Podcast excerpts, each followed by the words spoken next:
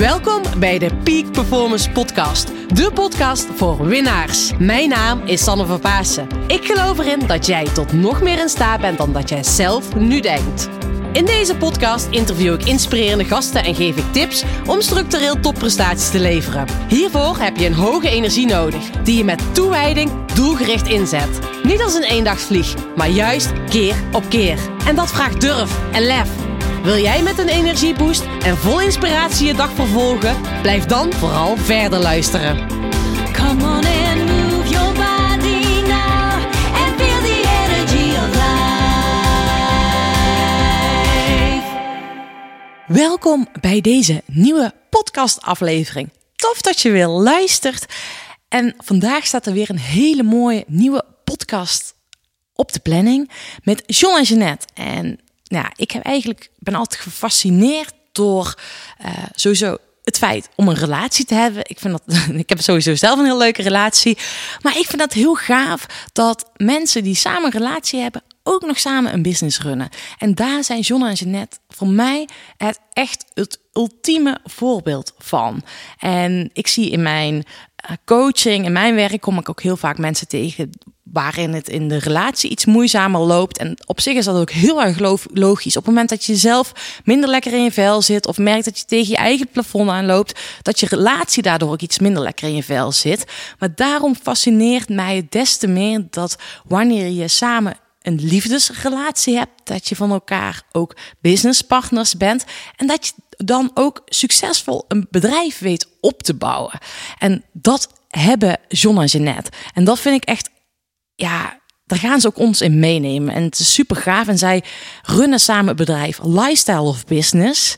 En um, het stukje ook over uh, plaats of onafhankelijk werken. Ze reizen uh, de wereld rond. Op dit moment zijn ze in Nederland. Maar ze hebben vanuit de vetste plekken hebben zij hun business gerund. In echt grote... Um, ja, grote villa's. Zij zijn echt niet bereid om flink te investeren in hun huisvestiging. Ze, ze, zijn er ook helemaal van overtuigd dat ze dit weer terugverdienen in hun werk. Um, en daardoor uh, stretchen ze zichzelf keer op keer. En dat vind ik zo mooi, um, want daar geloof ik zelf ook in. Dat buiten je comfortzone, dat daar de magic happens. Dat is ook wat komende periode in de Energieboost Challenge of training, de gratis training die ik ga geven. Daar ga ik je in begeleiden hoe jij meer je comfortzone kan stretchen. Maar daar zijn John en Jeanette dus echt ja, het ultieme voorbeeld van. Dus ik zou zeggen, ga genieten van deze podcastaflevering. Um, schrijf je ook in voor mijn uh, gratis training. Daar kan je nog mee meedoen. 14 juni start deze. Uh, mocht je later luisteren en denk ik wil die training ook graag volgen, kan. Uh, dan is hij waarschijnlijk niet meer gratis beschikbaar, want hij wordt alleen eenmalig gratis beschikbaar tijdens deze training. Maar dan kan je hem voor een mooie prijs kopen. Um, nou, ga luisteren, geniet ervan en ik wil je een hele fijne dag toewensen. Doei doei!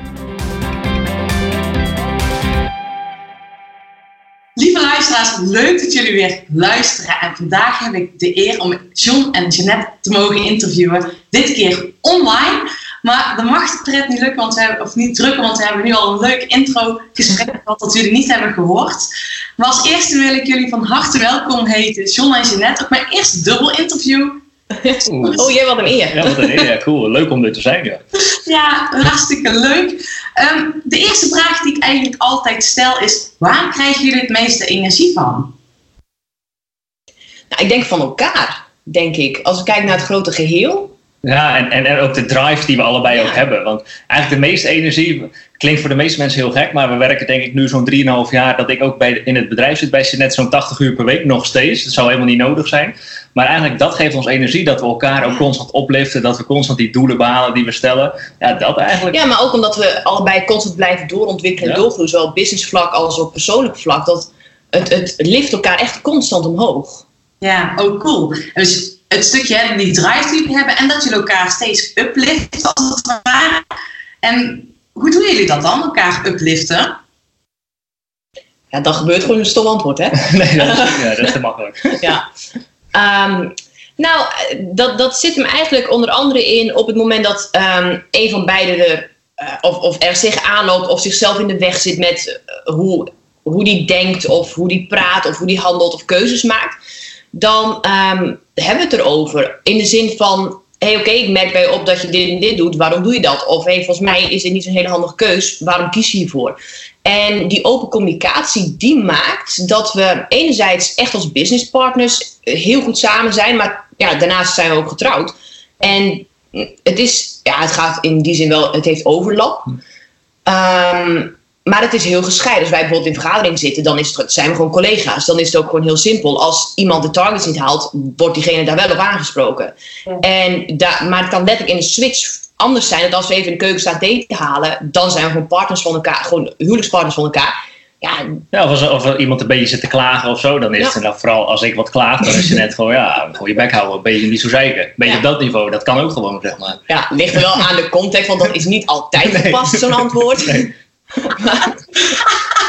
Niet lijken, ophouden. Ja, ja, Dat is eigenlijk echt wel heel erg uniek, hè? dat je als eh, businesspartners en eh, gewoon ook als geliefden samen door het leven gaat. Ik bedoel, dat is best wel een hele mooie samenwerking. Jullie zeggen net ook al het stukje open communicatie, dat dat heel erg belangrijk is. Maar volgens, heb je niet ook ooit momenten dat je denkt, oh, dit is even niet zo handig geweest, of dat dat het niet helemaal vanzelf liep?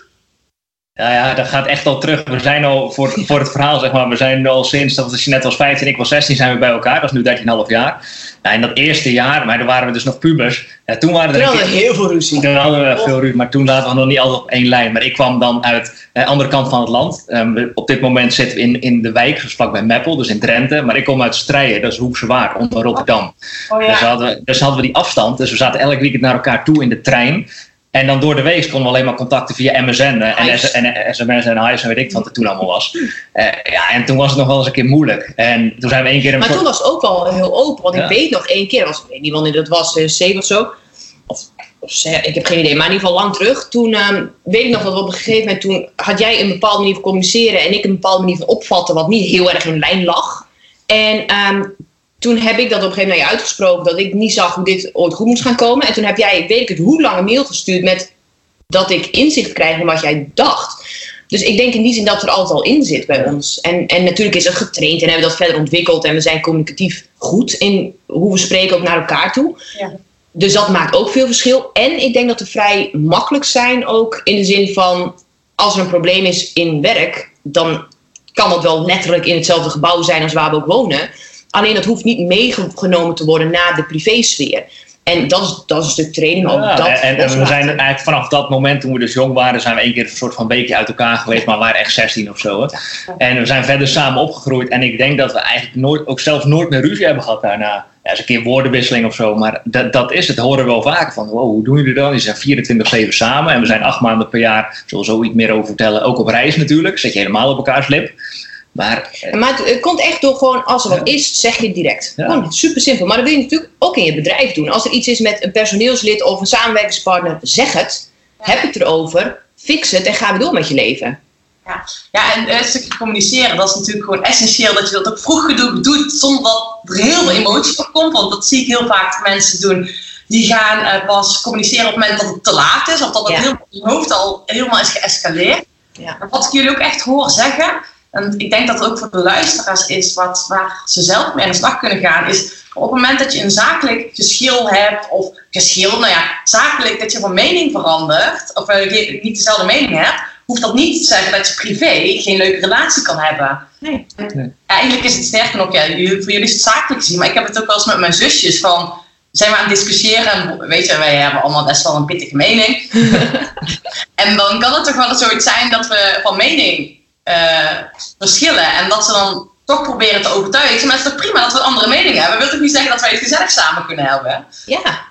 En ik denk dat het altijd in de basis neerkomt op dat mensen het moeilijker maken dan nodig is. Ja. Of dat nou dus is met familie of met partner of met mensen in je bedrijf. Er wordt zo'n ding van gemaakt. Er wordt zo'n verhaal gecreëerd in het hoofd. Ja, maar bijvoorbeeld met je zussen. Ja, nou, het slaat toch ook nergens op dat je dat denkt. Nou, vervolgens ga je het erover hebben en ga je meer en meer en meer jouw mening willen doordouwen. En dan sta je niet meer open voor wat de ander zegt. En dan luister je niet meer. Dan ben je gewoon aan het praten. En dat is geen communicatie. Dat is wat veel mensen verwarren. Ja, maar praat toch? Ja, dat is ook het probleem. Je moet meer gaan luisteren en inspelen op wat die ander zegt. En als je dat gaat doen, of dat nou is met familie of welke welke plek dan ook, dan ga je elkaar begrijpen. En ik denk dat dat de basis is. En, en op het moment dat je elkaar niet begrijpt, ja, dan kun je de godganse tijd ruzie hebben met wie dan ook. Ja, klopt. Ja, ja. Heel mooi. Mooie inzichten nu al zo vroeg van deze maar John dat is misschien ook wel heel erg leuk om jullie verhaal mee te nemen van hoe jullie business is gestart. Net uh, tipten jullie het al even aan. Uh, Jeannette is begonnen met haar bedrijf. Volgens mij verschillende bedrijven gehad. Uiteindelijk is, uh, had je extra hulp nodig, is John erbij gekomen. Ja. Um, maar ik ben eigenlijk wel eens nieuwsgierig. Kan je ons eens even een stukje meenemen in de loop van jullie business? Ja, wat Ja. jij doen. Ja, zou ik dat doen? Zeker. Oké, het, is, het eerste deel is Jeanette een verhaal vanzelfsprekend, want die is ermee begonnen. Maar dat is echt, toen was je 16 of zo. We Ja. kenden elkaar denk ik net. En toen had Jeanette haar eigen business in de paarden. En eh Jeanette was heel goed in paarden trainen. En nou, dat ging steeds beter en beter. De paarden werden steeds moeilijker eigenlijk om, om de paarden mak te maken, heel simpel gezegd. Alleen Jeanette was het bedrijf op dat moment. Maar ik, ik, ben, ik, ben, ik ben wel een beetje een dierenvriend. Een eh Oké. paarden, paarden africhten of wat deed, wat deed je dan? Ik had een natural horsemanship trainingsstal. En ehm, dus eigenlijk wat ik, wat ik deed, ehm, was op het moment dat de paarden bij me waren, kon ik heel erg ja, aanvoelen. Dat is heel moeilijk te beschrijven, maar ik voelde gewoon aan of ik wel of niet op een paard kon stappen. Ik trainde heel veel zonder zadel, zonder hoofdstel zelfs. En als het echt niet ging zonder hoofdstel, zonder bit. Dat altijd. Ja. En ehm, dat, Oh. Dat is gewoon ontstaan vanuit, ik was er goed in, ik vond het leuk en dat is wat ik deed. Dus de buurman kwam met een ander paard, de buurman van mijn opa en de buurman van de buurman. En zo ging dat wat, wat rollen. en eh, toen op een gegeven moment ja, heb ik er mijn bedrijf van gemaakt. Ik had toen ook eh, de opleiding paardenhouderij gedaan. Min of meer ook omdat ik niet precies wist wat ik dan aan opleiding wilde gaan doen. Dus toen ben ik dat maar gaan doen. Ehm, vond ik bijzonder zonde van mijn tijd. Dat heb ik altijd gevonden van opleidingen. Ehm, maar goed, ik vond dat ik hem nodig had om een beetje meer achtergrondkennis te hebben. Ehm, nou, vandaar dat is het ontwikkeld. En in het begin waren het gewone paarden als in mak maken, zadelmak maken, ehm, meer, meer vertrouwen geven in de mens. Ja. En gaandeweg werden de paarden die echt mishandeld waren, die heel, heel slecht getraind waren. Dus die werden ook ja, gevaarlijker, is niet eerlijk, want de paarden waren gewoon verpest in die zin. Alleen het was gevaarlijker voor een mens om ermee te trainen. En ehm, ja, dat, dat, is, dat is wat het bedrijf was. Later is het ook uitgebreid met trainingstal, maar nu onderbreek ik jouw verhaal. Dus Ja, maar het is ook eigenlijk jouw verhaal. Dus Ja, dat is wel. Maar ehm, ja, gaande, dus dat ging door en door en wel jaren. Ja, ja, ja. Alleen Snet kreeg steeds meer het gevoel van, ja, dit is het niet voor eeuwig of zo. Het is fysiek wel zwaar werk en het is heel kwetsbaar. Want op het moment dat er wat gebeurt, en dan is het bedrijf ook klaar hè, als je dat alleen doet. En dat, dat besefte ze net al. Dus in die tijd was ze ook een opleiding aan het doen, voeding en diëtetiek was dat. Ja, hè? wel een beetje gestart. 2011 of zo? Nee, Nee, eerder. veel, veel eerder. Gewoon met, 2009. met het oog op, ja, dat is een wat veiligere business. Dan kan ik mensen gaan helpen met overwicht. Ja, want mijn gedachte was, als ik een keer val en mijn vinger breek, Ja, dan eh, kan ik niks meer. Ja. Dus Ja. dan moet ik wat anders. En die opleiding die was al bijna afgerond van de voeding en diëtetiek. Dus ze was al bijna diëtist, nog een jaar of zo. ja. En toen gebeurde dus eigenlijk wat ze over zichzelf had afgeroepen bij nader inzien. Ja. Er was een keer op een zaterdag, viel ze van een paard af, maar toen brak hij niet de vinger, maar een ruggenwervel. Ja. Onhandig. Ja, en dat is, eh, dat is ook wel behoorlijk wat vervelender dan een vinger. Vinger, je kan beter een vinger breken. ja, precies. Ja, en eh, dit was goed afgelopen, want één wervel lager en dan zat ze hier ook wel, maar dan zou ze, dan ze ja. niet meer gaan lopen. Nee. Ehm, dus in die zin is dat wel goed afgelopen. Ja. En wij zijn altijd positief, zijn we ook altijd al geweest. Dus het was wat jij het lag in de ambulance. En toen zei je, oh, dit, eh, wat, wat zei je eigenlijk precies? Nou, ik zat eh, lichtelijk vol met morfine hoor. Maar eh, toen zei ik tegen mijn moeder, die zat erbij: Goh, wat fijn, nu kan ik eindelijk mijn boek schrijven. Want ik wilde een receptenboek schrijven, maar daar had ik geen tijd voor, want ik had het heel druk met mijn paardentrainingen. Dus dat was het eerste wat ik zei toen ik in, de, in de ambulance lag. Ja. Ja, dus het- Wat zeg je? Handig. Ja, toch? Ja. maar dat businessmodel was dus wel in één keer klaar. Dat was een probleem. Ja, dat was het probleem. Dus nee, dat was de inkomstenstroom was in die, in die zin ook klaar. Maar goed, ik had een vaste baan, dus dat was verder geen probleem. Maar dat half jaar dat je net moest revalideren, gewoon op bed in de huiskamer, ik weet nog precies. ehm, dat was eigenlijk super handig, want je kon heel dat boek schrijven, je kon je opleiding verder afronden. Workshops georganiseerd. Ja, je, je Superfoods eh, webshopje kwam een beetje, toen was het echt een webshopje. Ja, ja, ja. Toen, toen kwam dat een beetje op gang. En zo is eigenlijk dat nieuwe businessmodel is in dat half jaar ontstaan. En eh, ja, van daaruit is het verder ontwikkeld. Toen eh, met een eigen praktijk aan huis. Ja, want was is. Ja, inmiddels afgestudeerd diëtist, eigen praktijk aan huis. Dus mensen kwamen bij ons thuis. Eh, de, de winkelruimte was dan vroeger de winkel van Sinet Rauw, dus die kwam leeg. Dus daar gingen wij onze sportschool in beginnen. Dus dan hadden we en een praktijkruimte en een eigen sportschool. En toen werd het ook wel steeds wat drukker. En ik was nog steeds in de vaste baan. Dus ik, eh, en dat was in de bouw. Dus ik was 's ochtends zes uur weg en ik was 's avonds zes uur thuis. Maar in de avonturen en in het weekend ging ik daar eh, dan ook in meehelpen. En En sporten. En, en zelfs sporten, want we waren op dat moment dus ook in voorbereiding op bodybuildwedstrijden. Want in die tijd hadden we ook ons eigen bikini fitness atletenteam, maar we deden daar zelf ook aan mee. Nou ja, en, en bodybuilden, dat is ehm, toch wel een van de zwaarste sporten die er is. En zeker als je dat wil combineren met al die andere dingen. Ik ben de hele dag mee bezig qua sport en qua eten. Ja. Ehm, dat is met de meeste topsporten, maar dit is wel echt heel extreem. En je maakt, jezelf, je maakt jezelf als bodybuilder steeds zwakker. Ja. En wij, wij kijken bijvoorbeeld bij jou met, met in je fietstijd. ehm, ja, je wordt fitter en fitter. Alleen ja, in de bodybuilder, naarmate de wedstrijd wordt, word je zwakker en zwakker, zeg maar. Dat is de omgekeerde wereld. En, maar dat deden we er nog een soort van bij. En ik dacht echt wel dat ik daar nou, de top in zou kunnen bereiken. Want gedisciplineerd ben ik altijd al geweest. Maar ik heb, zo, ik heb helemaal geen aanleg. Helemaal niet. Nee, slechtste. aanleg mogelijk. Ja. Eh, dus daar kan je echt niks aan doen. Nee. Maar goed, dat, dat maakt niet uit voor het verhaal. maar toen zat ik dus nog wel in mijn vaste baan. En toen zei Jeanette, ja, misschien moet je nou toch maar eens een keer gaan stoppen met die vaste baan. Dat was in maart, nee, in januari 2015. Want Jeanette had de, de gedachte opgevat, ja, ik wil gewoon gaan reizen. Ik wil gewoon gaan reizen, maar ook werken en reizen combineren. Dus het was niet alleen, je moet maar stoppen met je vaste baan. Je moet stoppen met je vaste baan, zodat we op reis kunnen. Fulltime, permanent. Ja, en ik ben vrij traditioneel en het is allemaal ehm, ook niet uit een ondernemende familie en er, helemaal niks daarvan. Dus op het moment dat ze dat zei, ehm, nou, ik was niet direct enthousiast, laat ik het zo Nee, zeggen. zeker niet. Zeker niet. Nee. Nee, dus ik heb daar echt wel acht maanden of zo over gedaan om dat te laten verwerken, dat idee. Ehm, Hij zag eigenlijk alleen maar problemen. ja, echt alleen maar problemen. Maar ook toen konden we natuurlijk al goed communiceren samen. Ja. Dus we hadden het er wel goed over. Alleen ik zag gewoon het, ik zag het nog niet. Want het was je net haar bedrijf en ik had gestudeerd voor civiele techniek. Ehm, echt helemaal het toekomstplan al uitgestippeld met bruggen bouwen, tunnels bouwen. Eh, van, van, van uitvoerder naar projectleider, gewoon steeds verder had ik allemaal al bedacht. En ik was ook al vier of vijf, vier en half, vijf jaar was ik al werkzaam in dat vakgebied. Dus dat voelde een beetje ja, dom als ik daar nou mee zou stoppen. Want ik had er ook voor gestudeerd, vier jaar. En ik werk er al vijf jaar, dus ben ik al negen jaar verder. Ja, ik denk als ik ermee ga stoppen. Ehm, dus dat zag ik niet gebeuren. Maar ehm, ja, of het zo moet zijn nog niet. Waarschijnlijk, um, toeval bestaat niet, denk ik. Op het werk werd het steeds minder leuk. En Ja. de, de promoties die me werden beloofd, die kwamen niet. Dus uiteindelijk werd de keuze in die zin voor mij gemaakt. En in november van dat jaar, 2015, heb ik besloten, toen was het de moeilijke, moeilijkste beslissing ooit, om dus te stoppen met die baan. Ehm, achteraf gezien was het de beste beslissing ooit, maar dat is vaak zo.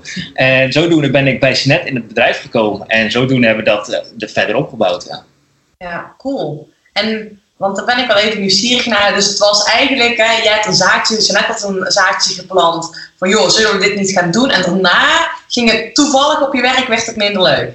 Ja. Ja, ja, met name de groei die er wel mogelijk nou ja, voor werd gehouden, zeg maar, wat mogelijk zou zijn, eh, die kreeg je niet. Dus iedere keer, iedere keer, maar echt al, al jaren werd er verteld, volgende keer met je functioneringsgesprek ga je een trap hoger, of gaat je loon omhoog, of ga je andere projecten, en dat was niet. En dat was dat jaar echt, echt wel extreem ineens. Ja, en ik was ook al een paar jaar wel echt intensief bezig met persoonlijke ontwikkeling. Ook veel boeken lezen en zo. Ah, Ik weet eigenlijk niet eens waarom ik dat deed, maar ik vond het gewoon interessant om te, om te groeien of zo.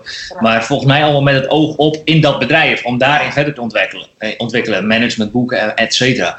En ehm, dus ik werd ook, ging ook steeds anders nadenken. Ik werd denk ik ook steeds wijzer of zo. En toen ging ik die linkjes leggen van ja, dit gaat hem niet worden, dus ik moet er dan maar mee stoppen. Zodat ik Jeanette vol kan ondersteunen. En dan kunnen we er ook echt een bedrijf van maken. Ja. En eh, zo is het gegaan.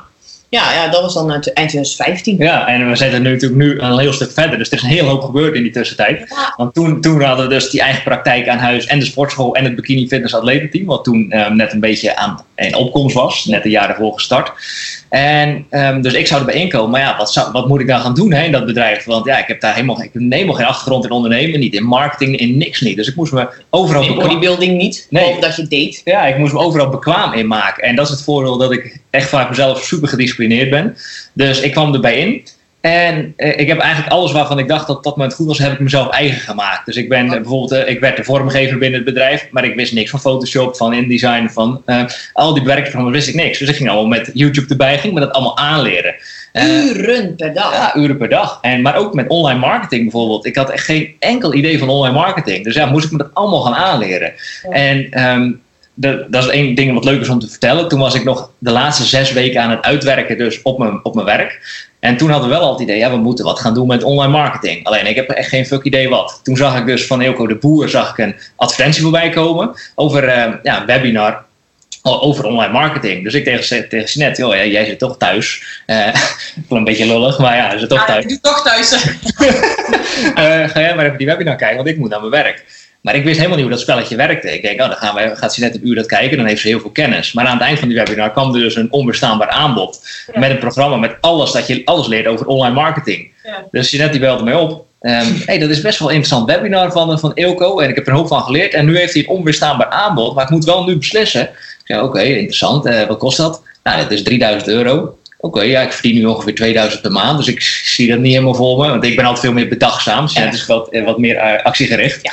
En ik zei, nou, laten we daar eerst nog even over spreken. Nou, ik heb het eigenlijk al gedaan. Dus Ja, we hadden het nodig. ja, Simpel. Dus had die investering, die had ze al dus gemaakt. Maar dat was wel heel goed, want daardoor hadden we gelijk in één keer toegang tot een hele database met alle online marketingkennis die we op dat moment nodig hadden. Dus daar ben ik me ook helemaal bekwaam in gaan maken in al die maanden. Want ik had toch tijd zat toen ik gestopt was met mijn werk. Want ik had geen eigen klant of zo, want Jeanette die deed de business. Dus ik kon al die dingen kon ik mezelf eigen maken. Dus ehm, ja, daar heb ik wel echt de basis gelegd voor mijn all- allroundschap wat ik nu heb. En nu zit het me eigenlijk een beetje in de weg. Daar ga ik zo nog wel wat over vertellen. Ja. Eh, maar toen, toen was het heel erg goed. En van daaruit zijn we doorontwikkeld. En drie maanden later, slechts drie maanden later, ehm, toen dachten we, ja, we moeten echt wel. Willen we echt badasses worden in ondernemen? Willen we echt ja, goed worden in businessvoering? Dan moeten we echt serieus in onszelf gaan investeren. We moeten ons echt gaan omringen met echt serieuze ondernemers. Dus niet alleen online marketing trucjes, maar echt mensen met Ja, verstand gewoon van zaken. bouwen. Ja. En toen zijn we in contact gekomen toen de tijd met de Straight Line Business School. Ja. En, en toen hebben we daar een, eh, een, een gesprek mee gehad. En aan het eind van het gesprek ging weer precies hetzelfde. Hij zegt, hey, zullen we gaan samenwerken voor de komende drie maanden? Nou, is je net al direct ja. Nou, nog niet eens een prijs gezegd. Ik zeg, nou, eh, laten we heel even kijken wat kost dat bijvoorbeeld. Ja. Nou, dat is dan eh 10.000 euro. Oké. En dan hadden we net drie maanden daarvoor die 3000 investering. Vond ik al een hoop. En, maar toen zei hij er ook nog achteraan. Ja, dat is wel voor keer twee. Want jullie zijn met z'n tweeën. Dus dat was 20.000 euro. En, eh, maar goed, va- vanaf dat moment is het balletje wel gaan rollen. We hebben dat gedaan. Uiteindelijk, dat geld hadden we helemaal niet. Hebben we geleend. Super oncomfortabel. Maar eigenlijk is, als je, als je kijkt van wat is echt het grote omslagpunt geweest, dat is daar gebeurd. 100%. En waarom denk je dat dat zo'n groot omslagpunt is geweest? Nou, ik denk met name omdat we toen ehm, inzicht gingen krijgen in meer in onszelf. Het, is, het traject was heel erg gericht op het stuk ondernemerschap, maar meer vanuit je manier van denken. Ja. En daarnaast ook, we hadden ons target echt gezet. We willen in die drie maanden dat geld weer terug bij elkaar verdienen. Ehm, om te zorgen dat wij die lening konden afbetalen, of in ieder geval een deel. En, eh, nou, en dus dat hebben we ook gedaan in die drie maanden. Maar voorheen deden we, nou ik dan met het bedrijf 2.000, 3.000 per maand. Dat, was, dat kwam er gewoon uit voort. Ik deed heel veel werk. We hadden ook wat co-coaches en zo. We hadden meerdere mensen. Maar ehm, nou, dat was die 2.000, 3.000 kwam er binnen. En toen in die drie maanden, door onze manier van denken, onze manier van handelen, andere keuzes maken in het bedrijf, konden we ineens 20.000 omzetten. Wat heel raar was, want wij hadden feitelijk niet bijzonder veel veranderd. Alleen schijnbaar wel genoeg om ineens gewoon, nou ja, die 20.000 te doen, waar we normaal nou ja, 6 tot 9 per drie maanden zouden doen. Ja. En het feit dat we dat zagen, het feit dat we inzicht kregen in, hé, hey, maar zolang wij voorover blijven leunen, andere keuzes maken en bereid zijn ons oncomfortabel te voelen bij de groeikeuzes, want dat was, het was zeker wel oncomfortabel, zit er zoveel meer in ons. En ja, dat, dat gingen we zien. En dat maakte dat we zagen, ja, maar oké, wij kunnen hier de lat leggen, maar we kunnen ook hier de lat leggen. Ja. Het is maar net hoe graag je wilt. Ja, ja super mooi. Ik vind dat wel gaaf, want dat merk ik zelf ook. En dat weten jullie misschien ook wel. Hè? Sowieso in de sport, hè? Als mijn, met mijn achtergrond als topsporter, maar nu wel als ondernemer. Van op het moment dat je door de juiste mensen omringt, dan ga je zoveel sneller. En wat ik jullie ook hoor zeggen, kijk, op het moment dat je die investering hebt gedaan, ook al heb je ervoor moeten lenen, weet je, je stelt jezelf echt een harde doelstelling. Ik ga dat geld terugverdienen, of wij gaan het geld terugverdienen. Hoe? Weet je niet, maar we vertrouwen erop dat we er zoveel inzichten krijgen. Dus je gaat er nog, en die commitment, die hoor ik bij alles al wat jullie zeggen, die is er. Maar je, eh, die drive, die wakker je nog meer aan om er ook gewoon vol gas voor te gaan. Ja, ja klopt. Ja, zeker. En kijk, uiteindelijk, een investering is één, maar het moet wel met de juiste mensen zijn natuurlijk. Ja, ja, ja. Want, wat ik zie ook vaak gebeuren, mensen die vragen maar zomaar wat raak van die zelfbenoemde business coaches, maar daar wordt geen resultaat behaald. Dus wij hadden wel echt onze research gedaan. Denk, we moeten echt de, eigenlijk de beste spelers om ons heen hebben. Eh, en, en van daaruit is ons speelveld eigenlijk veel groter geworden. Ons speelveld was heel erg klein. En door eigenlijk de juiste begeleiding daarin is ons speelveld op dat moment heel erg vergroot. En later is ons speelveld eigenlijk compleet veranderd zelfs. Want nu zitten we op een heel ander speelveld. Ja, Eh, dus dat is, wel, dat is wel een belangrijke aanvulling. Dat je in ieder geval, als je dan die investering maakt, dat je dat sowieso wel met de juiste mensen Ja. doet. ja. Nou, dat is sowieso door het beste. Ja. Ja. Simpel is het. Ehm, en dat speelveld, hè, want eh, ik weet nog, want volgens mij, ik heb zelf toen ik nog veel sportte, heel veel in voeding gedaan. Dus volgens mij heb ik, ken ik daar Jeannette van toen der tijd nog van. Long, long time ago. Maar het is vervolgens ook Kick as Leven, he- heette jullie bedrijf. Ja. En nu zijn jullie helemaal, of een andere switch, dus neem ons daar nog een stukje in mee. Ja, we, zal ik die doen? Ja. Wij, eh, we hadden op een gegeven moment Bikini Fitness en Shield. Shield was het atletenteam bikinifitness.nl was alles rondom fitness voor vrouwen. En ehm, daarnaast hadden we Kick-Ass Leven. En mijn achtergrond die ligt heel erg ook in de life coaching. Dus, en dan in combi met ehm, manier van denken en veelal ook grotere problemen. Denk extreme anorexia. Ehm, wa- waar mensen eigenlijk te horen hebben gekregen, ja, je bent gewoon niet meer te redden. Eh, mensen met heel erg jaloezie. Nou, de, de, de problemen die het leven echt gewoon heel moeilijk maken voor die mensen. En, maar goed, dat kost heel veel energie ook voor mij om die mensen te begeleiden. Dus op een gegeven moment had ik daar veel klanten in. En merkte ik, ja, dit is, dit is heel fijn, heel mooi om dit werk te kunnen doen. En het is niet heel erg goed te combineren met alle, eh, nou ja, eigenlijk met alle dingen die ik voor mezelf ook nog zou willen doen.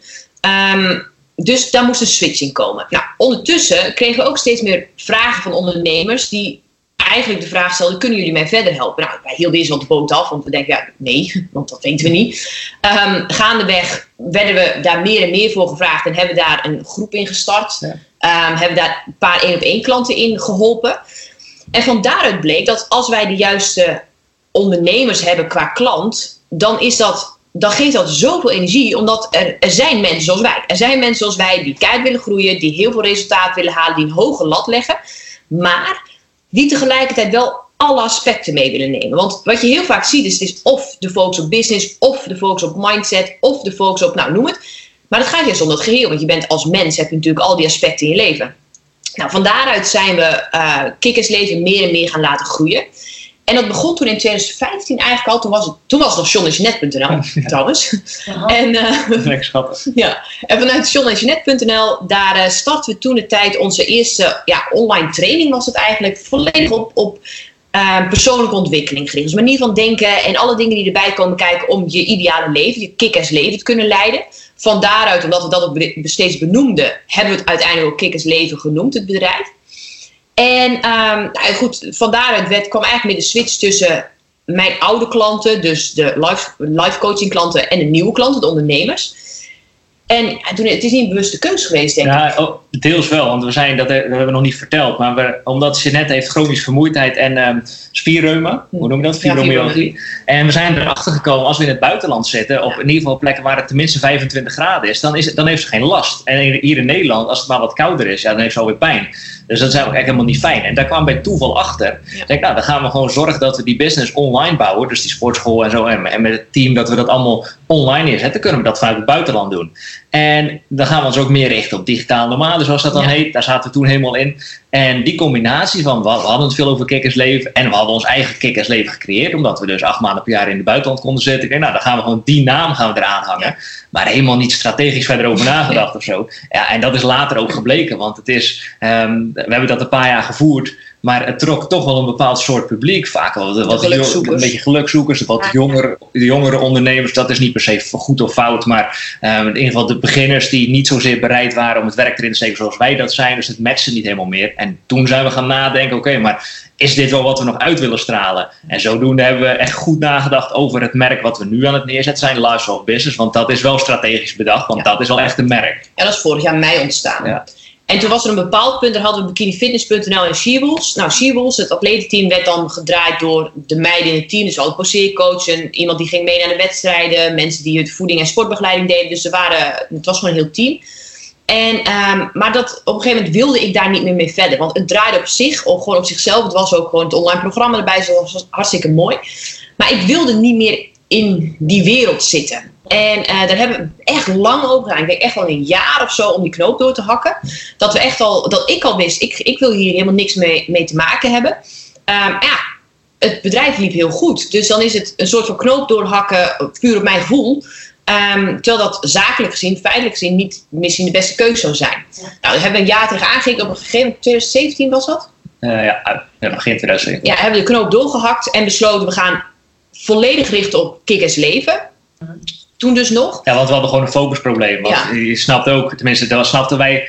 Wij hebben altijd gedacht, want het is zelfs, we hebben ook nog Kickers Business gehad. Ja. Kickers Leven, Kickers Business en Wolf Coaching was er dan het overkoepelende. En wij dachten, oh, met al die effort die we erin steken en badass als we zijn, kunnen we dat allemaal wel managen, zeg maar. En ook nog allemaal zo'n beetje zelf met, die- met een paar mensen om ons heen. Maar, en, Het ging ook wel, alleen dan. Meerdere keren werd ons wel verteld door onze coaches. Ah, misschien een keuze keuze maken. maken, misschien iets laten vallen of iets minder doen of iets uitbesteden of whatever. Eh, nou, bij eigenwijs, ja, dat klinkt goed, maar gaan we niet doen. Nee. Alleen, het ging gewoon te langzaam naar onze zin. En toen merkten we, toen hadden we Kickers Business afgestoten. Dat werd dus eigenlijk gecombineerd in Kickers Leven. Dus hadden we nog maar twee focuspunten. werd het al wel lekkerder van. Ja. En toen denk ik, nou, als we dat nu dus ook eens gaan doen met, met She-Wolves of met Wolfcoaching overkoepelend. Ja, dan hebben we dus alleen Kickers Leven. Wat zal er gebeuren als we alleen nog maar focus leggen op dat ene? Ja, en dat hebben we dus gedaan uiteindelijk. En oh, joh, toen, is het, toen was het echt lekker. Toen Ja. stonden we nog maar op één ding te focussen. En toen is alles echt in de stroomversnelling gekomen. Ja, ja, dat is wel heel gaaf. Weet je wel, dat, dat op het moment dat focus is de key. En vaak, want dat herken ik zelf natuurlijk ook. Weet je, dat je denkt, oh, dit is leuk, dat is leuk. Maar op het moment dat je focust, dan gaat alles zoveel sneller. Ehm, en jullie zijn ook al van, jullie zijn niet bereid, of jullie zijn heel goed bereid om veel te werken. Maar als je dan ook met focus op iets kan werken, joh, dan gaat het zo snel. Ja, en suf hè, want we snapten wel dat op het moment dat we een bodybuildwedstrijd willen gaan doen, ga je niet een marathon lopen, want het is een stomme combi. Dat snapt iedereen. Alleen binnen ons bedrijf wisten we het wel, maar we vonden dat dan weer anders, dus maakten daar geen keuze in. En ja, achteraf gezien natuurlijk veel te laat die keuze gemaakt. Ja. Maar, eh, maar goed, ja, wat is te laat. Dus eh, ja, het was een goede. Kijk, we hebben overal leren we weer lessen uit. Dus, eh, Ja, zeker. En, en die kunnen we weer meenemen, nu ook voor onze eigen klanten. Dus, ja. Ja, nou en dat was toen eh, 2017. Ja. Toen hadden we splits. Ja, toen hadden we dus alleen nog maar Kickers Leven over. En denk ja, als we, als we weer verder willen ontwikkelen, dan hebben we ook weer een nieuwe coach nodig. Dus een beetje een strategisch eh, coach. Dus we waren Mauritius, want we waren dus eh, volle bak ook op reis, eh, gewoon ons werk aan doen. Dat ging ook echt perfect. En denk, ja, nu moeten we weer verder. Dus wij waren daar. eh, Nou nee, we dachten niet, nu moeten we verder. In september lopen we af met Otto. ja, Dan hebben we iemand nodig. Dus we gaan nu in Ja. mei alvast zoeken. Ja, dat was het mei. Dus wij lagen in Mauritius. We lagen daar in een, in een eh, mooie villa. Dat was ook weer, we blijven ons constant stretchen. Dus Ja. tot, tot die tijd hadden we, nou, we zaten de eerste maand in Mauritius, hadden we een villa voor 1700 euro voor die maand. Vonden we echt al hoop geld. En ehm, ik denk, oké, we moeten eigenlijk ons weer een beetje verder gaan stretchen naar de volgende villa. Gewoon niet zozeer qua duurheid, maar wel qua gevoel, qua niveau. Dus wij bij Airbnb eh, ge- gewoon wat, wat eh, bezichtingen geboekt. Wij hebben ons scooter daar kijken, maar villa's die veel te duur waren boven ons budget. Maar gewoon in het kader van visualiseren. Want dat hadden we altijd al gedaan daarvoor. Met eh, business class vliegen. Ja, business class vliegen, maar ook in de bodybuild. Hoe, hoe, Ja. hoe gaat een wedstrijd eruit zien? Gewoon altijd visualiseren hoe iets eruit gaat zien. Dus wij denken, nou, dan gaan we dat ook met huizen doen. Dus dan gaan we gewoon een paar huizen boeken die, die we sowieso niet gaan boeken. Want die zullen toch veel te duur zijn. Maar dan krijgen we vast een gevoel hoe dat is. Hoe het is om in een, epi- in een epische villa. Dus wij een paar van die villa's bezocht, kwamen bij de laatste aan met ons scootertje en echt een uur vol gereden of zo. En eh, die, was, die stond voor 7500 per maand op Airbnb. Dus ja, dat, is, eh, dat vind ik nog steeds trouwens veel te veel geld. Eh, maar toen kwamen wij daar en toen zei die vrouw, nou, want het was perfect. Het was een Bali-stijl. We hebben op zich wel veel connectie met Bali. En het internet was goed, voor ons heel belangrijk. Goede werkplekken, goede slaapkamers, alles was goed. Dus dan zegt ze, nou, als jullie dit nou boeken voor een maand, dan doen we gewoon buiten Airbnb om. Dan is het 2500. Korting. Ja, dat was wel behoorlijk veel. Ja, dat wel een goede korting. Alleen, het was nog steeds wel. eh 1800 vonden we die maand ervoor al een hoop. Dus dit was wel weer eh, een heel stuk meer natuurlijk. Maar uiteindelijk, denk ik, nou, laten we de stoute schoenen aantrekken. Laten we dat gewoon doen. Voorover blijven leunen, daar zijn we ook nogal van. Want eh, juist vanuit het voorover blijven leunen komen er, worden weer de nieuwe dingen gecreëerd. Dus toen, toen zaten we daar uiteindelijk in onze epische villa. En eh, uiteindelijk moeten we ook onze rust pakken tussendoor. Dus wij lagen daar een podcast te luisteren naast het zwembad. Hoorden we in één keer de podcast van Thijs Lindhout en Tibor Olgers. Dan dachten we echt, die Tibor dat is een business coach. Wat, wat is dat voor een sukkel, joh. Een beetje eikel. een zelfingenomen gast. Maar ze net toch een gesprek met hem inplannen. Maar het was pas mei. Nou, ik had ook gemaild. Ik zei, hey Tibor, ik heb je podcast geluisterd. Heel interessant. Ehm, misschien kunnen we in september een keertje spreken. Want we hebben nu nog Otto. En dan hebben we daarna misschien jou nodig. Nou, zei hij, helemaal goed. Maar laten we dan nu al even spreken. Super slim natuurlijk. Ja. En eh, ja, toen hadden we een gesprek met hem. Ja, toen was het gesprek, maar echt eh, van tevoren. Nee, we gaan niks verkopen, we gaan niet Zoals instappen. ik, hè? Ja. Zoals ik. Ja, z- niet een uur na, of tenminste na een uur met hem gesproken te hebben, voelden we ons, we voelden ons op dat moment best de shit. We zaten in die villa en we hadden mooie omzet en zo. Zaten we een uur met hem in gesprek, voelden ons nog maar zo klein, dat het echt, eh, we denken, joh, waar zijn we mee bezig? Het slaat echt helemaal nergens op. Ja. Uiteindelijk zijn we direct gestart. Ja. Ja, de- maar van daaruit, ik direct gestart. Ja, ja, uiteindelijk eh, het voorstel gedaan. Nou ja, oké, we zijn nog niks, laten we het toch maar doen. Dus Tibor heeft heel goed zijn werk gedaan op dat moment in de salesgesprek. Maar ja, vanaf dat moment gingen we weer heel anders naar business kijken. Heel strategisch, veel meer nog meer op de cijfers. En ja, dat is echt weer het, het nieuwe niveau is daar alweer ontstaan. Ja. en, en nu, twee jaar verder, zitten we nog steeds met Tibor. ik spreek meer van net. Ja, dus eh, waarom, ik weet echt niet meer waarom we op dit verhaal kwamen. Maar, Nee, nee, maar Het verhaal komt op neer, dat wat, waarom denk ik dat jullie jezelf steeds blijven stretchen en ook steeds zeggen van naar het huis gaan kijken, weet je, oké, en dat, dat, dan stel je vervolgens de vraag, oké, hoe ga ik het geld bij elkaar verdienen en hoe ga ik dat regelen? Hoe ga ik dat rocken in mijn business? Ik vind het wel grappig, want ik heb, eh, ik heb ook een traject met, eh, met Tibor, dus eh, Nice.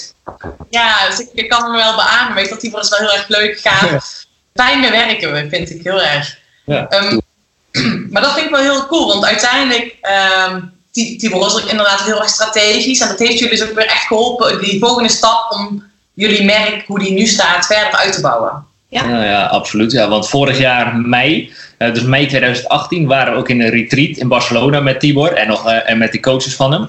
En daar is eigenlijk Lifestyle of Business geboren. Het idee van Lifestyle of Business was er, was er al net. Maar toen is, was echt, geen merk. nee, toen is echt het logo, de stropdas en de slipper, de tegenstrijdigheden, eh, al onze productmerken, alles op slippers, MBA op slippers, gewoon, dat is toen allemaal ontstaan. En van daaruit is het gaan rollen. En uiteindelijk in oktober 2018 hebben we gewoon, zijn we overgegaan. Toen hebben we dat gelanceerd, dat merk.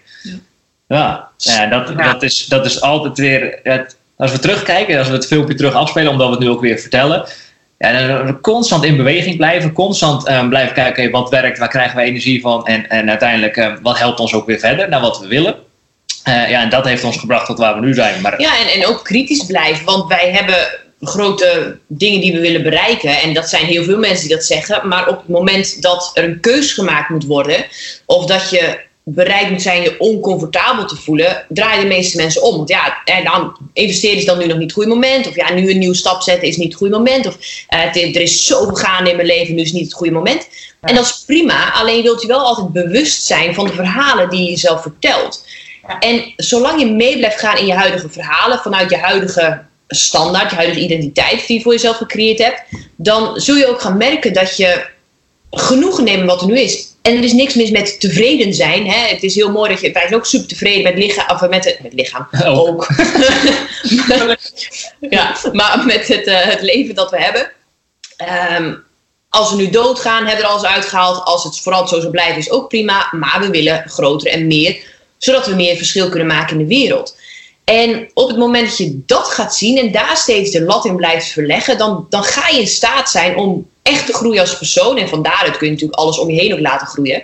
En ehm, ik denk dat dat het belangrijkste onderdeel is in dat- hele proces. De keuze maken om voorover te leunen. De keuze maken om oncomfortabel te durven zijn. En bereid zijn constant die gesprekken die je hebt met jezelf, die jou eigenlijk gewoon op de plek willen houden. Want dat is natuurlijk gewoon op alle vlakken altijd weer het geval. Ehm, als je die nou ja, niet aangaat, maar aan de kant zet en toch gaat doen wat je moet doen om daar te komen waar je wilt komen, dan gaat er echt een veel simpeler leven ontstaan. Ja, dat is heel gaaf. Dat is eigenlijk- eigenlijk hè, doordat je zelf uit je comfortzone blijft komen en blijft triggeren, weet je, daardoor groei je zelf als mens. En ik vind het heel gaaf en ik denk dat dat ook wel heel waardevol is in jullie combinatie, hè, jullie samenwerking, is dat jullie die spiegel bij elkaar ook makkelijk voor kunnen houden. Van, eh, ja, wat je nu zegt, maar is het niet handiger zus? Ja. Ehm, en dat vind ik wel heel tof, want ik merk bij mezelf ook datgene wat je zegt, van doordat je dus uit die comfortzone komt en doordat je je doelen gaat uitspreken en gaat visualiseren.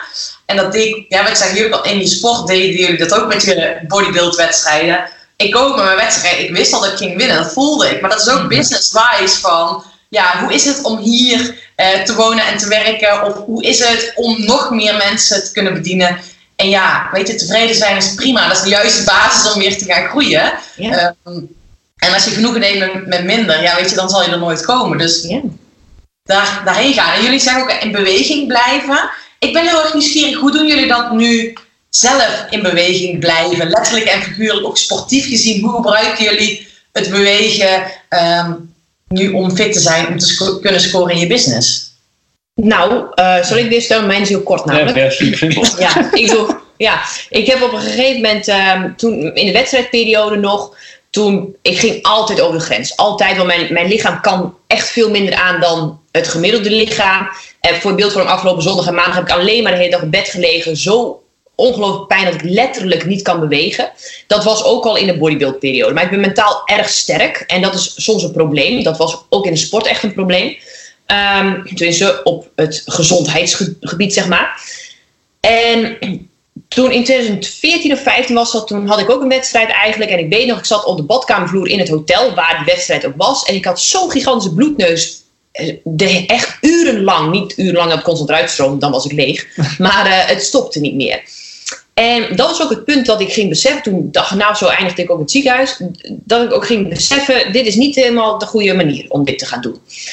Nou, ik heb heel erg moeite gehad om krachttraining los te laten, want ik vond het heel leuk. Ik had toevallig wel een hele goede aanleg, dat maakt het nog verleidelijker om wel gewoon door te blijven gaan. Hij is echt een beest in die tijd. Ja, ik was ja, echt heel groot. Ik vond het geweldig hoor, ik vond het fantastisch. Ehm, maar ik merkte ook, ja, dit is gewoon kansloos. Want ik heb zo intens veel last van mijn lichaam. En mijn, mijn hoofd zegt, ga maar door, blijf het maar doen. Maar ja, dat ging niet volhouden. Toen heb ik de knoop ook doorgehakt op een bepaald punt. Om in eerste instantie helemaal niks meer aan krachttraining te doen. Nou, toen ben ik heel ziek geworden. Om, waarschijnlijk omdat mijn lichaam gewoon de tijd had om te gaan herstellen. Nou, vandaar dat ik wel weer op probeerde te bouwen. Maar iedere keer was het weer terug bij af qua pijn. En toen heb ik ook besloten, het enige wat ik nog ga doen is yoga. Dus dat doe ik nu nog steeds. Iedere dag. Uur, tussen half uur en anderhalf uur. Meestal rondom een uur. En eh, dat is ook niet met eh, wilde bewegingen en grote houdingen. Eigenlijk wat doe, ik ga zitten in mijn, ehm, nou ja, zeg maar de meditatiehouding, mijn benen over elkaar. En dan voel ik gewoon aan wat mijn lijf nodig heeft. Dus ik, ik beweeg ook dan heel veel mee op de muziek. Het is heel rustig, het is heel kalm, het is heel, heel lief voor mijn lichaam eigenlijk. Ja. En dat maakt dat ik in ieder geval zo min mogelijk pijn heb. En eh, nou, ongeveer twee, drie keer in het jaar denk ik, nou, ik moet toch een krachttraining gaan doen. Want dat, ik vind het mooier. Ik vind dat mijn lichaam daar mooier van is. Ehm, dat heb ik nu niet meer. Maar dan doe ik dat letterlijk één of twee weken. En dan ben ik weer op hetzelfde Ja. punt als dat ik voorheen op was. Dan weet ik weer, oh ja, hierom deed ik dit niet. Ik kom weer terug bij yoga. Maar ook als we bijvoorbeeld op reis zijn, dan zijn we wel eens op mooie plekken. Want ja, omdat we toch acht maanden per jaar in het buitenland zijn, we zijn niet heel avontuurlijk, maar soms willen we toch wel eens wat doen. En denk, ah, dan gaan we een mooie hike maken of zo. Ja, dan, dan, die is, dat duurt dan drie uur. Ja, dan weet je, dat gaat wel goed. Maar twee weken gewoon weer uitgeschakeld. Ja, ja maar letterlijk Ja. zo ziek. Zo, gewoon zo ziek. Gewoon tot overgeven en, en gigantische diarree aan toe. Dat het gewoon helemaal... Ja, mijn lijf kan het gewoon niet. Ik vind het wel mooi, want je bent nu aan het vertellen eh, hè, wat je dan doet en met jouw routine. En nou, ik heb net goed zitten luisteren, maar je benoemt het gewoon helemaal aan. Want je zegt, hè, je hebt spierreuma of fibrom. Fibromyalgie. Ja, weet je wel, dus het zit bij jou zo in het systeem van dat je het niet eens benoemt, weet je wel. Hè? Ik ben gewoon, mijn lijf kan het niet aan, simpel. Ja. Ehm, maar ik vind het gewoon heel gaaf dat ik aan jou merk als je dit vertelt, dat je er gewoon überhaupt niet over nadenkt. Het is zo, wat wil het wel? Juist.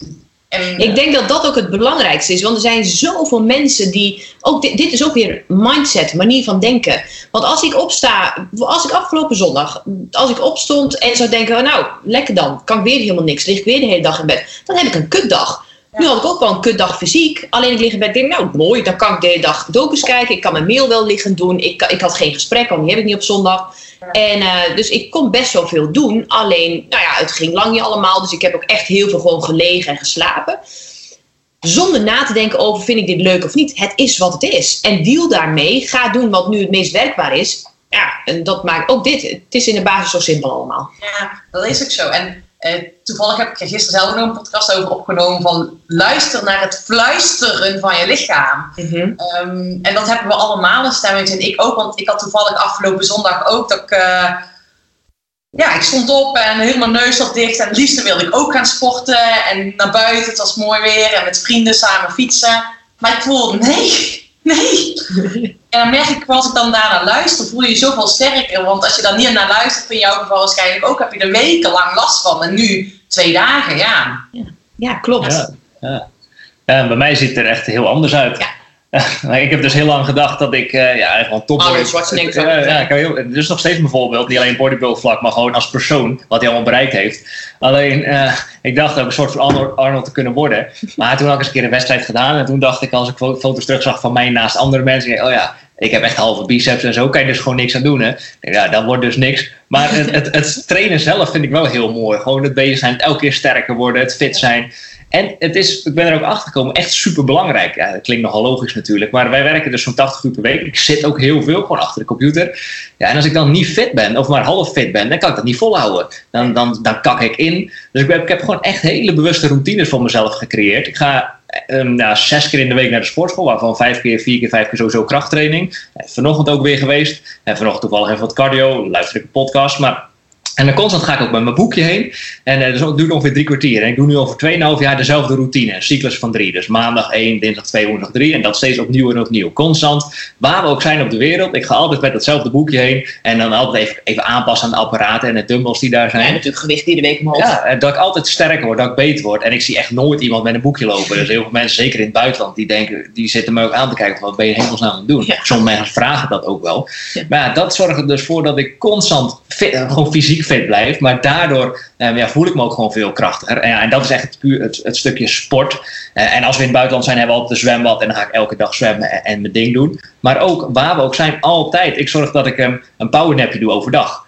Eh, meestal tussen 1 en 4, een beetje afhankelijk hoe het uitkomt. En als we op pad zijn, ja, dan wordt het soms wat lastiger. Maar ja, zes keer in de week lukt dat zeker wel. Of ik nou moe ben of niet, dat maakt niet uit. Ik ga gewoon die powernap doen. Dus maar 20 minuten max. En dan laat ik weer opnieuw op. Dus ik ben s ochtends altijd heel bewust bezig met, met, met sport. Smiddags ben ik altijd heel bewust bezig met die powernap. We hebben hier hebben we ook een sauna staan en een zonnebank. Een paar keer per week doe ik dat ook nog om constant... ehm, ja, even weer, ik, ik kan heel makkelijk alleen maar door blijven werken. En 80 uur, ik kan ook wel 100 uur gaan werken. Want ehm, qua energie merk ik Ja, daar niet zo- wel hou, hou ik best wel vol. Omdat ik hier dus zo bewust mee bezig ben. Maar ik ben dus ook wel heel bewust bezig om constant weer tussendoor die rust te pakken. Want anders kan ik het op lange termijn denk ik niet volhouden. Nou, we hebben ook we hebben vier tegenstrijdigheden binnen Lifestyle of Business. En eentje is relaxed vlammen. En eigenlijk wil je relaxed vlammen in alles van je leven toepassen, waaronder dus leefstijl. En dat houdt eigenlijk simpelweg in. Enerzijds heb je je piekmomenten, anderzijds heb je rustmomenten. Dus nou, John doet zijn rustmoment dan met powernaps. En daardoor kan hij weer een paar uur door. En dan in de avond in de sauna. En kun je weer een paar uur door, in de avond eventueel. Ehm, en nou, ik, heb, ik doe zelf geen powernaps. Ik heb langere nachten, dat vind ik prettiger. Zodat, want anders heb ik wat moeite met inslapen. Ehm, maar ook inderdaad sauna erbij. En op dit moment ben ik al een vijf dagen aan het eh sap vasten. En dan drink ik vijf, zes liter sap per dag. En dat heb ik toen met mijn gebroken rug ook gedaan. 50 dagen. En ehm, dat was echt om het herstel te ondersteunen. Om, ik, voelde me geweldig. Echt heel goed. Nu ook. Tenminste, nu is nog de begindagen is wat zwaarder. Alleen, eh, ehm, dat zijn de dingen waarvan ik weet... als ik daar even een stapje terug doe... ook voor mijn lichaam... kan ik daarna veel meer volhouden. Voel ik me veel beter. Dus het is echt op alle vlakken... dat relaxed vlammen doorvoeren... waardoor we eigenlijk constant op topniveau kunnen presteren. Nou, en dat vinden mensen heel vaak, dat merken, vinden ze knap of bijzonder of zo aan ons. Want Dat wij is zijn, logisch. wij zijn dus ook heel vaak natuurlijk op reis en dan heb je weer andere ritmes. Alleen, we hebben dus altijd een, we zijn eigenlijk ook altijd relaxed. En we hebben ook altijd wel een vakantiegevoel. En we komen ook, tenminste vind ik zelf en horen ook vaak ook altijd wel relaxed over. Terwijl we toch bizar veel gedaan krijgen. En ik denk, ja, het ene is niet los te zien van het ander. Ik denk echt dat door die discipline en door die keuzes die we maken. Ja, maar ook weer, ook daar weer, altijd weer, ik heb het altijd weer over de manier van denken. Ja. Want op het moment, nu zijn we hier aanwezig. En wat heel veel mensen doen is, zo, hè, zit je in zo'n interview, oh, ik moet zo meteen ook weg, oh, ik moet zo meteen dit ook doen. Ik heb oh, ook nog heel druk. Eh, alvast staat ook nog, weet ik veel wat er allemaal in je kop kan schieten. Maar ook op het moment dat je sport, ja, ja, ja, ik heb niet zo heel veel tijd om te sporten, want ik moet daar nog bom, bom, bom. Dus je bent de hele tijd in de toekomst aan het leven.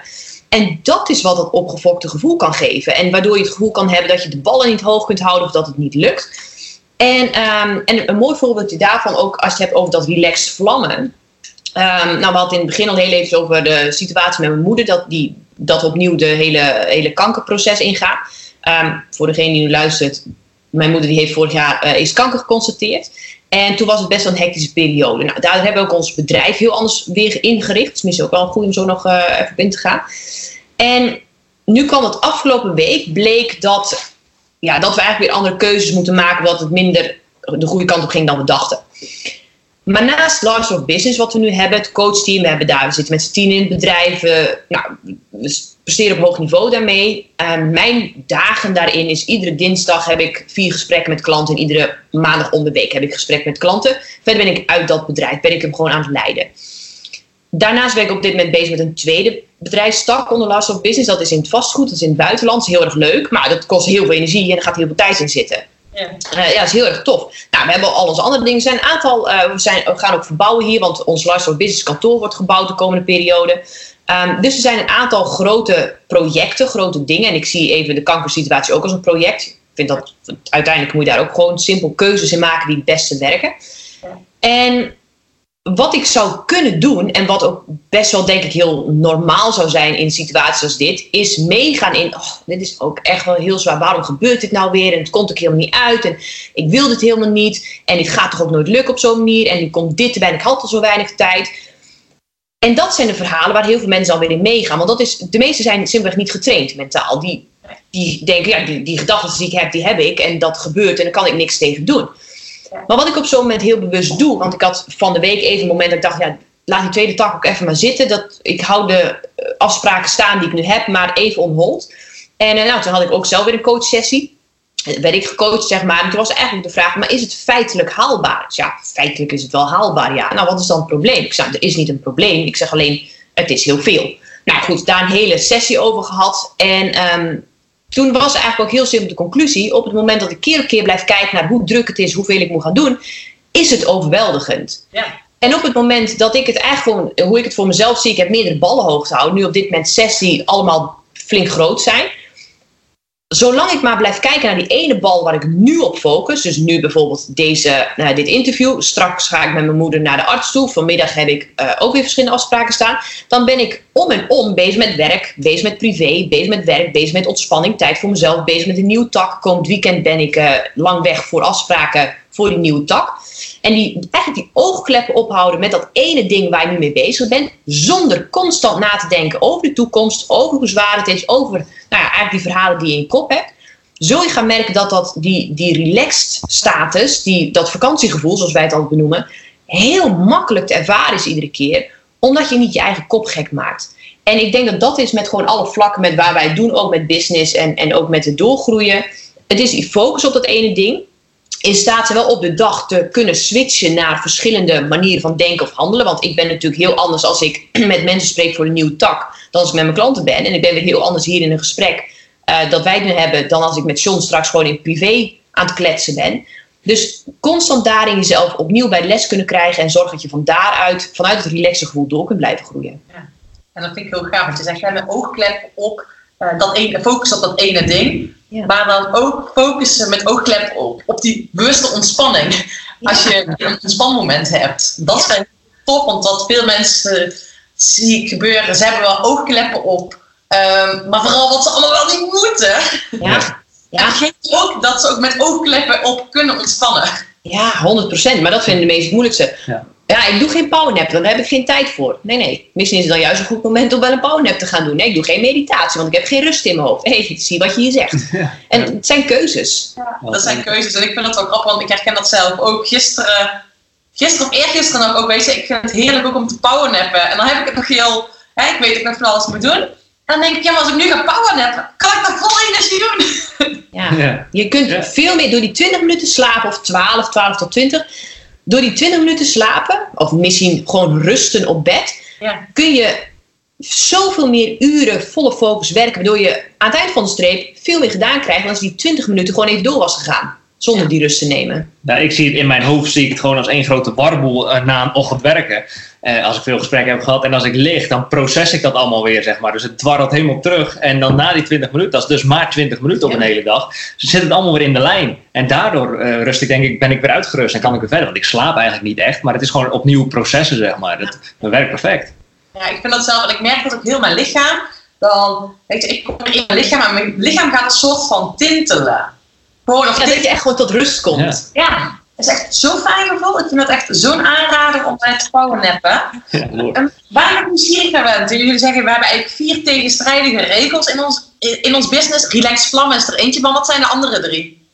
Onbewogen veerkracht, begrensde vrijheid, nou, relaxed vlammen dus. En, ik zeg het nou Eh, comfortabel het. Comforta- Ja, comfortabel discomfort. Oh, een mooie, mooie tegenstrijdigheden, want daar hebben we het al een paar over gehad. Ja. Eh, en waarom, waarom, dan ben ik wel nieuwsgierig naar begrensde vrijheid. Ehm, vrijheid is voor heel veel mensen bijvoorbeeld nu de vrijheid nemen om ehm, al het geld dat je binnenkrijgt uit te geven. Begrensde vrijheid is het geld dat je nu krijgt zo verdelen dat jij een deel gebruikt om uit te geven zoals je wilt. een deal stikt in bijvoorbeeld indexfondsen of vastgoed, zodat je over een x aantal jaar van nu de vrijheid hebt van het geld dat je nu niet uitgegeven hebt, maar wat daar in dat moment geld voor jou gaat opleveren. Dus dat is eh, op zo'n manier, maar ook vrijheid, begrensde vrijheid. Ehm, ik stel nu grenzen in mijn voeding. Ik drink, ik drink alleen sap op dit moment. Grenzen, zodat ik de vrijheid ga ervaren van een veel fitter lijf. Eh John die stelt de grenzen van op bepaalde momenten naar de gym gaan, ook al heeft hij daar misschien geen zin in, zodat hij de vrijheid krijgt van het fysiek dat deze werkdruk aan kan.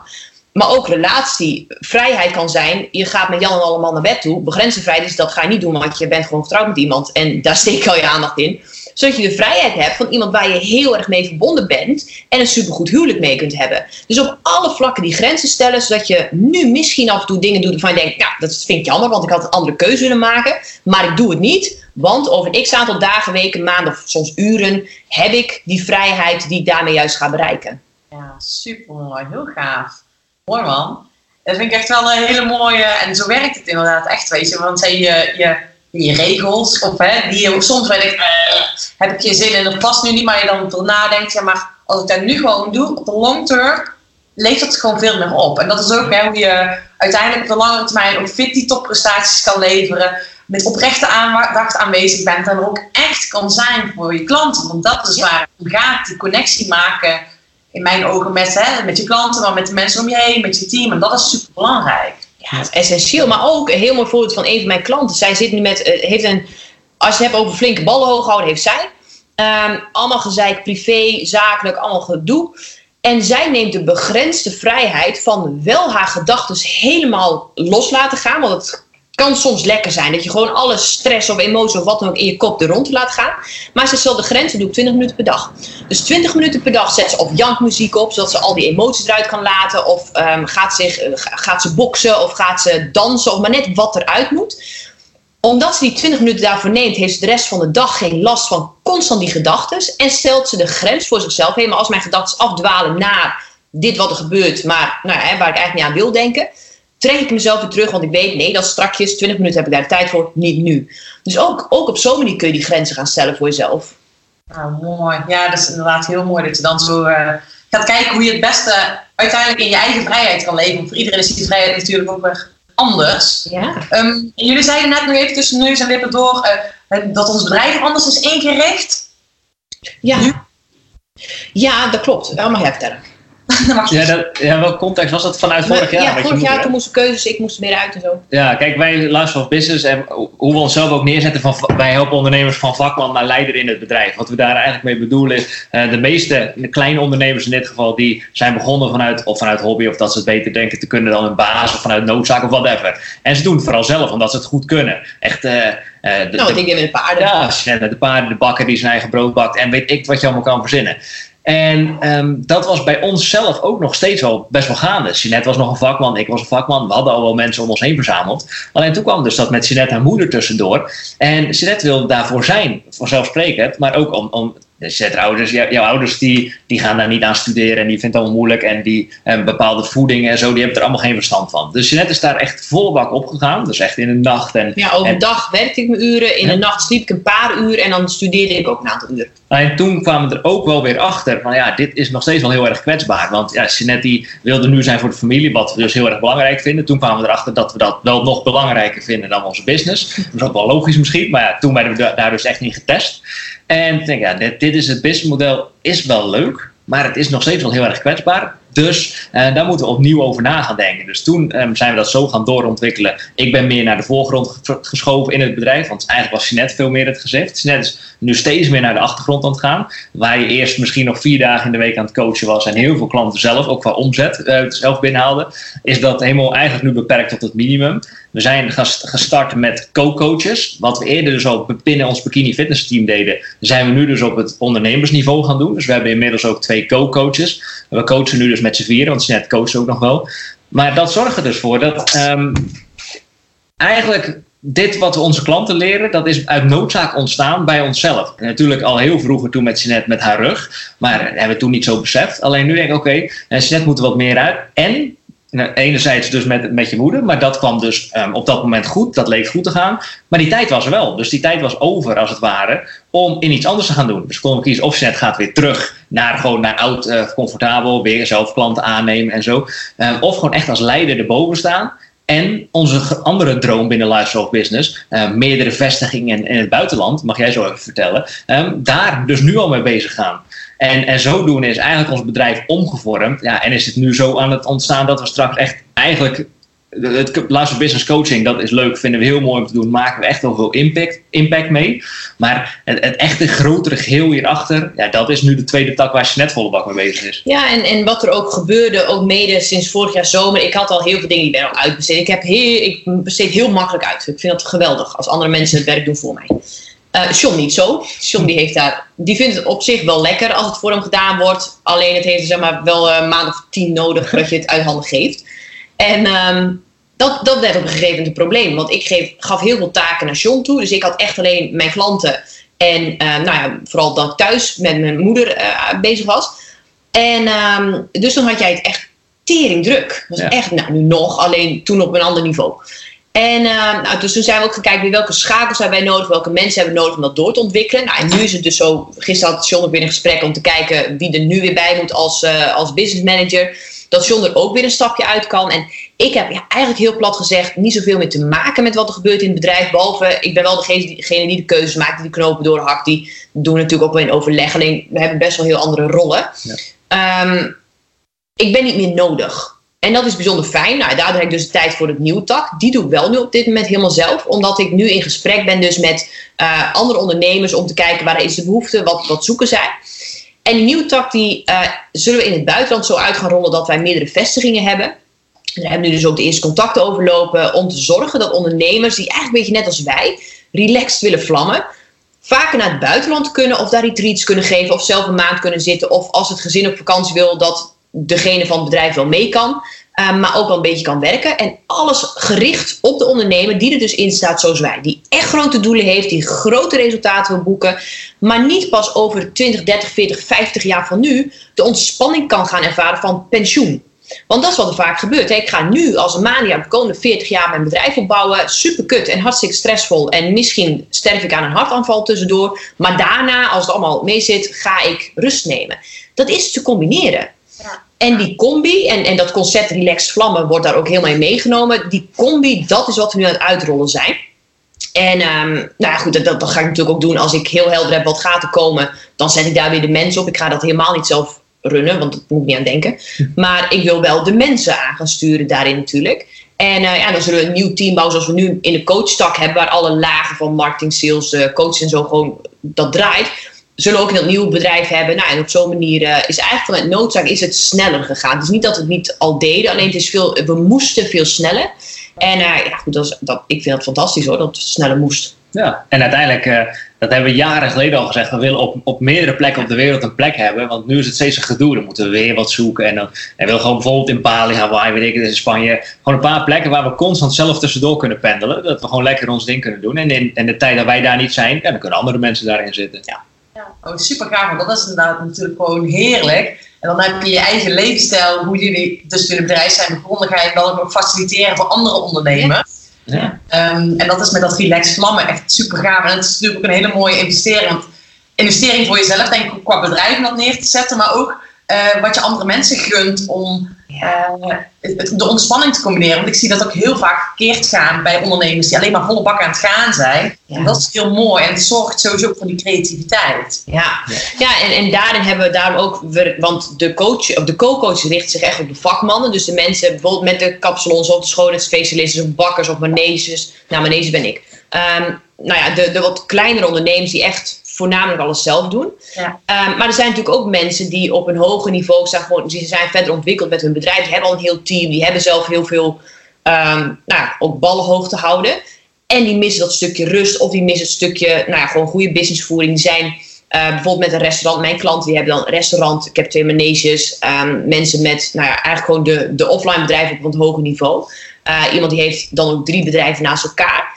En het verschil zit hem ook altijd weer in hoe denken die mensen, hoe handelen zij, zodat wij op hun niveau, dus de co-coach met de vakmannen, John wat meer met de, met de managers van het bedrijf, ik met de leiders van het bedrijf, Zodat zij door kunnen ontwikkelen. En, nou, en daar zit natuurlijk ook mijn ondergrens bijvoorbeeld. Dus je moet in ieder geval drie ton draaien om met me te werken. Maar tussen die drie ton en 5 miljoen zitten mijn klanten nu.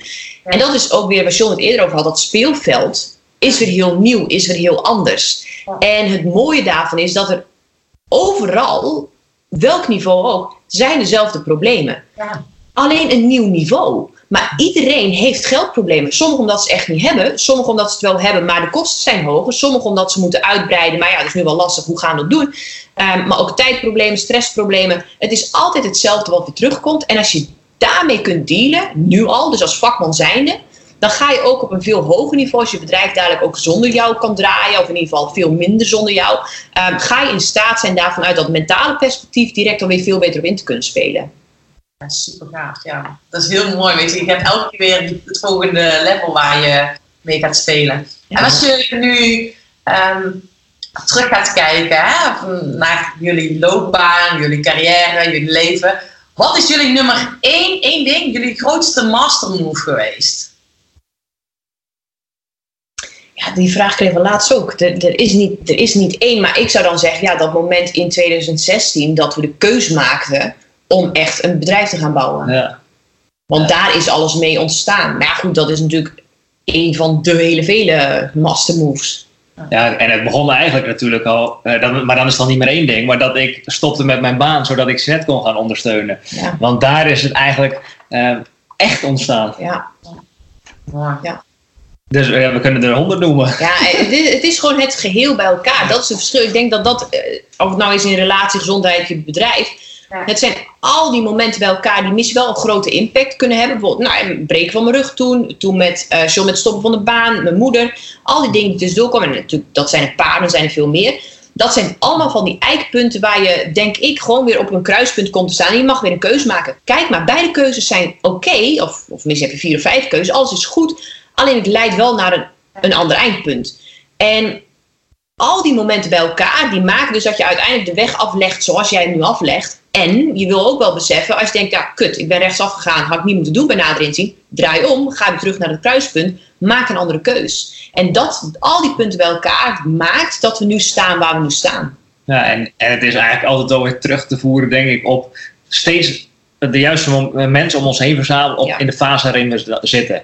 Want ja, zelf hadden we hier nooit gekomen, tot waar we nu zijn gekomen. Nou, zelf Ja, tenminste, we, we hebben het natuurlijk zelf gedaan, alleen eh, ja, zonder de hulp. Ja. nou, dat, dat denk ik. Ja, super mooi. Super gaaf, man. ja.